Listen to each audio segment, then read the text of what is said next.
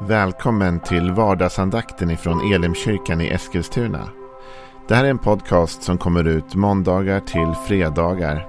Om du vill veta mer om vilka vi är, vad vi tror på, hur du kan komma i kontakt med oss eller vad vi kan erbjuda dig för någonting så gå in på www.elimkyrkan.com. Får jättegärna gå in och likea vår Facebook-sida. Det är facebook.com elimeskilstuna. Eller så söker du upp oss på YouTube och då söker du på Elimkyrkan Eskilstuna. Vi vill jättegärna komma i kontakt med dig. Men nu lyssnar vi till dagens andakt. Välkommen till vardagsandakten. Jag heter Joel Backman, är pastor i Elimkyrkan i Eskilstuna. Jag har precis skrivit en ny bok. Den heter 10 liv hur Jesus möter och bemöter den som är sjuk. Om du vill ha tag i ett exemplar av den boken så kan du köpa den för 179 kronor plus frakt. Skriv till joel elimkyrkan.com så ska jag se till att du får ditt ex skickat till dig. Skriv med adressen såklart så jag vet vart den ska. En annan väldigt bra bok är Ordspråksboken. Den håller vi på att gå igenom just nu. Och vi tar lite dag för dag. Och vi har kommit fram till det sjunde kapitlet. Och återigen så varnar Ordspråksbokens författare för äktenskapsbrott. I det här fallet även för eh, sexuell omoral överlag. Men igen vill jag säga att när vi läser lite av den här beskrivningen så är det här applicerbart på så många områden av vårt liv där vi blir frestade till olika snedsteg av olika slag. Det är ju inte så att saker och ting bara händer ur ingenting.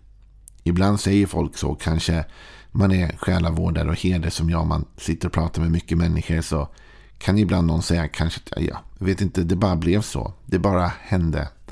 Men vet du, väldigt lite i vårt liv bara händer. Speciellt när vi kommer in på trösklar som otrohet eller sexuell omoral eller andra saker. Skattefiffel, vad som helst, you name it, som inte är bra. Det händer väldigt sällan bara i ett vakuum. Utan ofta har vi på olika sätt positionerat oss. Och det kan vara så att vi inte riktigt vet vad som fick oss att ta det där sista klivet eller gå över den där sista gränsen. Men när vi ser tillbaka så kan vi med ärlighet mot oss själva se att vi ibland har satt oss i väldigt dumma situationer och öppnat upp för detta. Och det är just det som det sjunde kapitlet i Ordspråksboken faktiskt hanterar lite grann. Och vi börjar med de första verserna. Vi läser en bit fram. Min son, ta vara på mina ord och göm mina bud inom dig. Håll mina bud så får du leva. Bevara min undervisning som din ögonsten. Bind dem runt dina fingrar. Skriv dem på ditt hjärtas tavla. Säg till visheten, du är min syster. Och kalla insikten din förtrogna. De ska bevara dig från den främmande kvinnan, från din nästas hustru som talar hala ord. Snart ska vi läsa vidare och se vad som händer i den här berättelsen. Men vet du vad? En av de saker som du och jag kan göra för att se till att vi i alla fall har en bättre chans att undvika vissa frestelser. Och innan vi går vidare ska jag bara säga, du som har misslyckats i livet på olika områden. Du som kanske har begått äktenskapsbrott eller ägnat dig åt sexuell omoral eller bara gjort något annat dumt jag tar det där exemplet nu eftersom det är det som den här texten bearbetar. Men det kan vara något helt annat. Vet du vad? Vi är inte här för att lägga någon fördömelse på dig. Jesus ger förlåtelse och nåd. Det är därför vi har honom, eller hur? Jesus Kristus har dött för dina och mina synder. Och när vi omvänder oss till honom och när vi säger förlåt Herre, det här varit fel, det var dumt, jag ångrar att jag gjorde det här. Då är han där och förlåter. Och där synden överflödar, där överflödar nåden ännu mer. Så det finns hopp för dig och mig. Vi kan be om förlåtelse och vi får förlåtelse. Dyrköpt förlåtelse genom Jesu blod.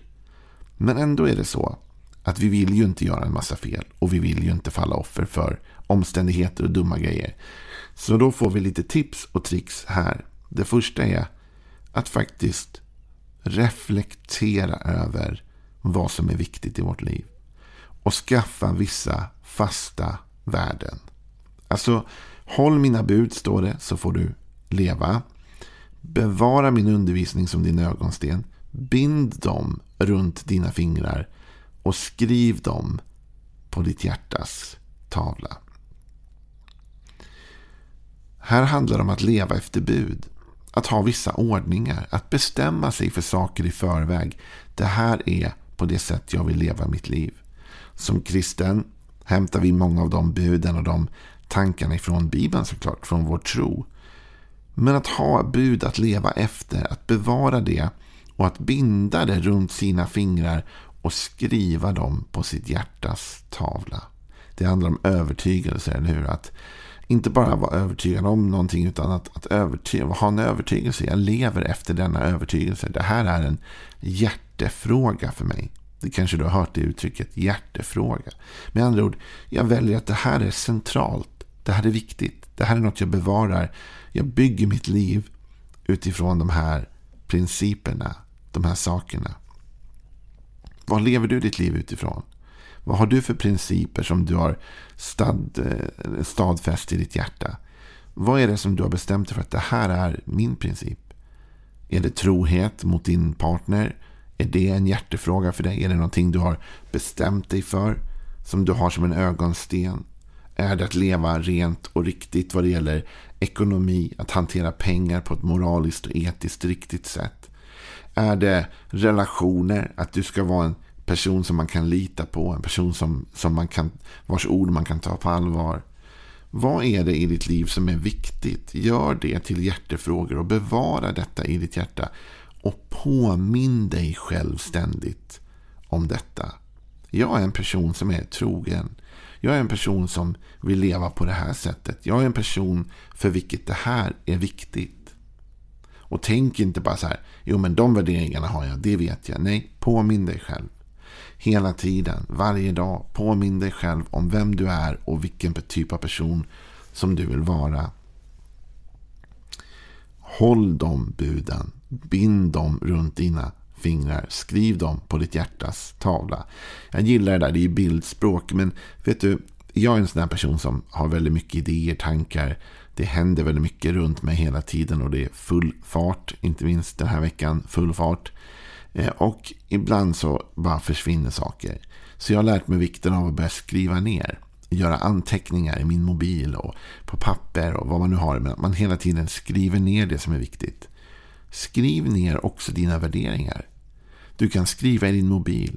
Du kan skriva på en lapp och lägga i din, i, i din liksom plånbok om du har någon. Eller bara i din eh, ficka eller vad som helst. Skriv dina värderingar. Jag är en trogen människa. Jag är en person man kan lita på. Jag sköter ekonomi korrekt. Jag tar hand om min eh, fru eller min man. Jag har en, en eh, liksom, hög etik. Vad är det? Skriv ner det och påminn dig själv om det. Varför? Jo, för när man kommer ner så står det så här, vers 4. Säg till visheten du min syster och kalla insikten din förtrogne. De ska bevara dig från en främmande fienden. Så vad är det som bevarar dig och mig? Det är värderingar skrivna i vårt hjärta. Det är övertygelser som vi påminner oss själva om. Inte bara ibland utan hela tiden. Vi formar detta. Vi säger det här är viktigt för mig. Och jag påminner mig själv om det. Jag mediterar över det. Vilken typ av person jag vill vara. Och när då olika omständigheter presenterar sig. Så vet jag, så bär jag med mig levande i mitt hjärta. Det där är inte jag. Jag är inte den som ger efter för det här. Eller jag är inte den som ska ägna mig åt det här. Eller jag, jag är en annan typ av människa. Jag har värderingar som jag följer och som jag vill ha levande. Sen fortsätter det ner i vers 6. När jag spanade ut, säger Ordspråksbokens författare då, genom fönstret i mitt hus, genom gallret. Då såg jag bland de okunniga, bland de unga upptäckte jag en yngling utan vett. Han gick över gatan vid hörnet där hon bodde och styrde sina steg mot hennes hus. Det var i skymningen vid dagens slut när nattens mörker föll på. Och här beskriver Ordspråksbokens författare en person som han ser genom sitt fönster på väg mot fördärv. Och det är faktiskt detta som jag vill bara först nämna om i vers 6. Här står det att Ordspråksbokens författare som var vis och klok. Han spanade ut genom fönstret och tittade ut då. Med andra ord, han iakttog. Han levde inte livet bara sådär, du vet, dag för dag, sekund för sekund. Vi ser vad som händer. Han iakttog, han begrundade, han funderade. Du och jag, om vi inte tänker igenom vårt liv och tänker igenom hur vi vill leva och försöker förstå saker och ting. Då blir vi lätt liksom offer för bara vad som helst. Va? Man måste ha värderingar skrivna i hjärtat. Man måste ha en insikt om hur världen fungerar. Man måste lyssna in och, och, och begrunda. Och då säger han att när han ser ut, då såg han en yngling utan vett. Och vad var det den ynglingen gjorde? Jo, den gick över gatan vid hörnet där hon bodde och styrde sina steg mot hennes hus. Det här är ju väldigt intressant. Det är mycket bildspråk i det här tror jag. Men alltså, gå över gatan till det hörnet där den här personen bor. Styr i riktningen. Och det här tror jag är det vi gör ofta när vi faller. Och det var det jag sa i början. Det är därför jag inte tror på detta. Vet, det bara hände. Nej, det hände inte bara. Någonstans valde du att korsa gatan. Någonstans valde du att gå till det där hörnet. Någonstans valde du att styra dina steg i närheten av henne. Oj, sen helt plötsligt hände det något. Ja, men du hade gått dit. Du hade positionerat dig. Du hade vandrat den vägen. Och innan du nu tänker det här var en tråkig eh, vardagsandakt och en tråkig gubbe som sitter och, och dömer mig. Jag dömer inte dig. Jag har själv gjort saker i mitt liv som jag ångrar. Och jag vet att en del av de sakerna gjorde jag därför att jag inte var uppmärksam. Därför att jag kanske med perspektiv kan se att jag styrde mig i en viss riktning. Medvetet eller omedvetet. Och egentligen är det först när jag är ärlig med mig själv som jag kan ändra mitt beteende. När jag kan se att ja, men jag hade en del i att det blev fel. Och jag ska inte gå till det där hörnet. För i det där hörnet händer det grejer som jag inte vill vara en del av. För jag har andra värderingar i mitt hjärta. Så jag styr bort ifrån det där.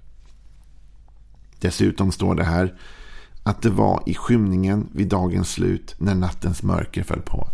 Ser du hur den här ynglingen liksom är ute och rör sig vid tider och stunder då han kanske skulle varit hemma och gjort något annat.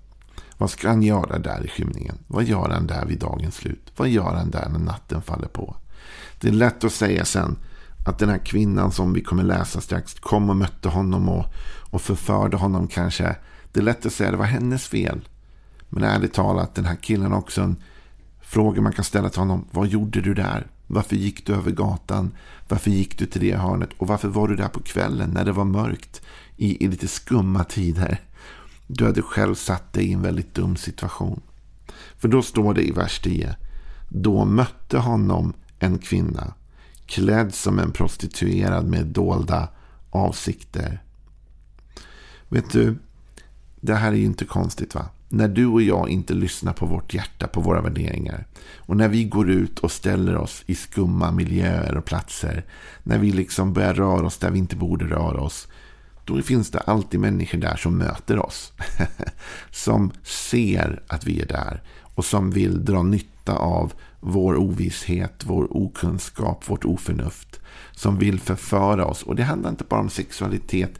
Det kan vara vad som helst. När du och jag korsar de där gränserna av värderingar av etik och moral som vi inte borde korsa. Så kommer vi snart märka att där borta så väntar folk på oss för att dra oss ännu längre in i fördärvet och i djupet och i mörkret. Och då kan man säga, ja, det är inte mitt fel. Det var den där kvinnan som mötte mig och förförde mig. Ja, men hon hade inte mött dig om du inte hade varit där. Du gick dit.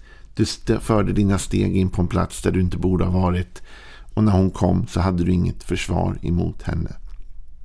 Ja, sen fortsätter egentligen det här kapitlet med att beskriva då hur hon förför den här ynglingen som är ovis. Det står i vers 21, hon förleder honom med sitt prat och förför honom med sina hala läppar. Jo, det är sant, hon förför, hon förleder. Men som sagt, hade han inte varit där så hade inte detta hänt. Och det är det som blir slutklämmen i vers 24. Så hör mig nu, ni barn. Lyssna på mina ord. Låt inte ditt hjärta vika av till hennes vägar. Förirra dig inte in på hennes stigar, för hon har fällt många som ligger slagna. Otaliga är hennes offer. Hennes hus är vägen till dödsriket, det leder ner till dödens kammare. Det är just detta, att vi överhuvudtaget inte ska in på de här vägarna. Låt inte ditt hjärta vika av till hennes vägar och förirra dig inte in på hennes stigar. Hur gör du det? Genom att ha bestämt dig i ditt hjärta för dina värderingar och det du lever för och den typ av person du vill vara.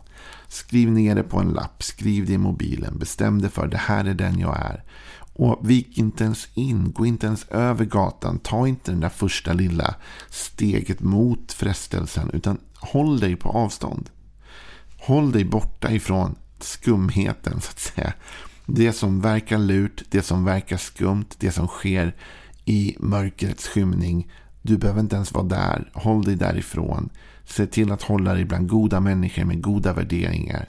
Som delar ditt sätt att se på livet kanske. Och dina, liksom, det är det liv du vill leva. Umgås med dem. Umgås inte med dem som för ner i mörker.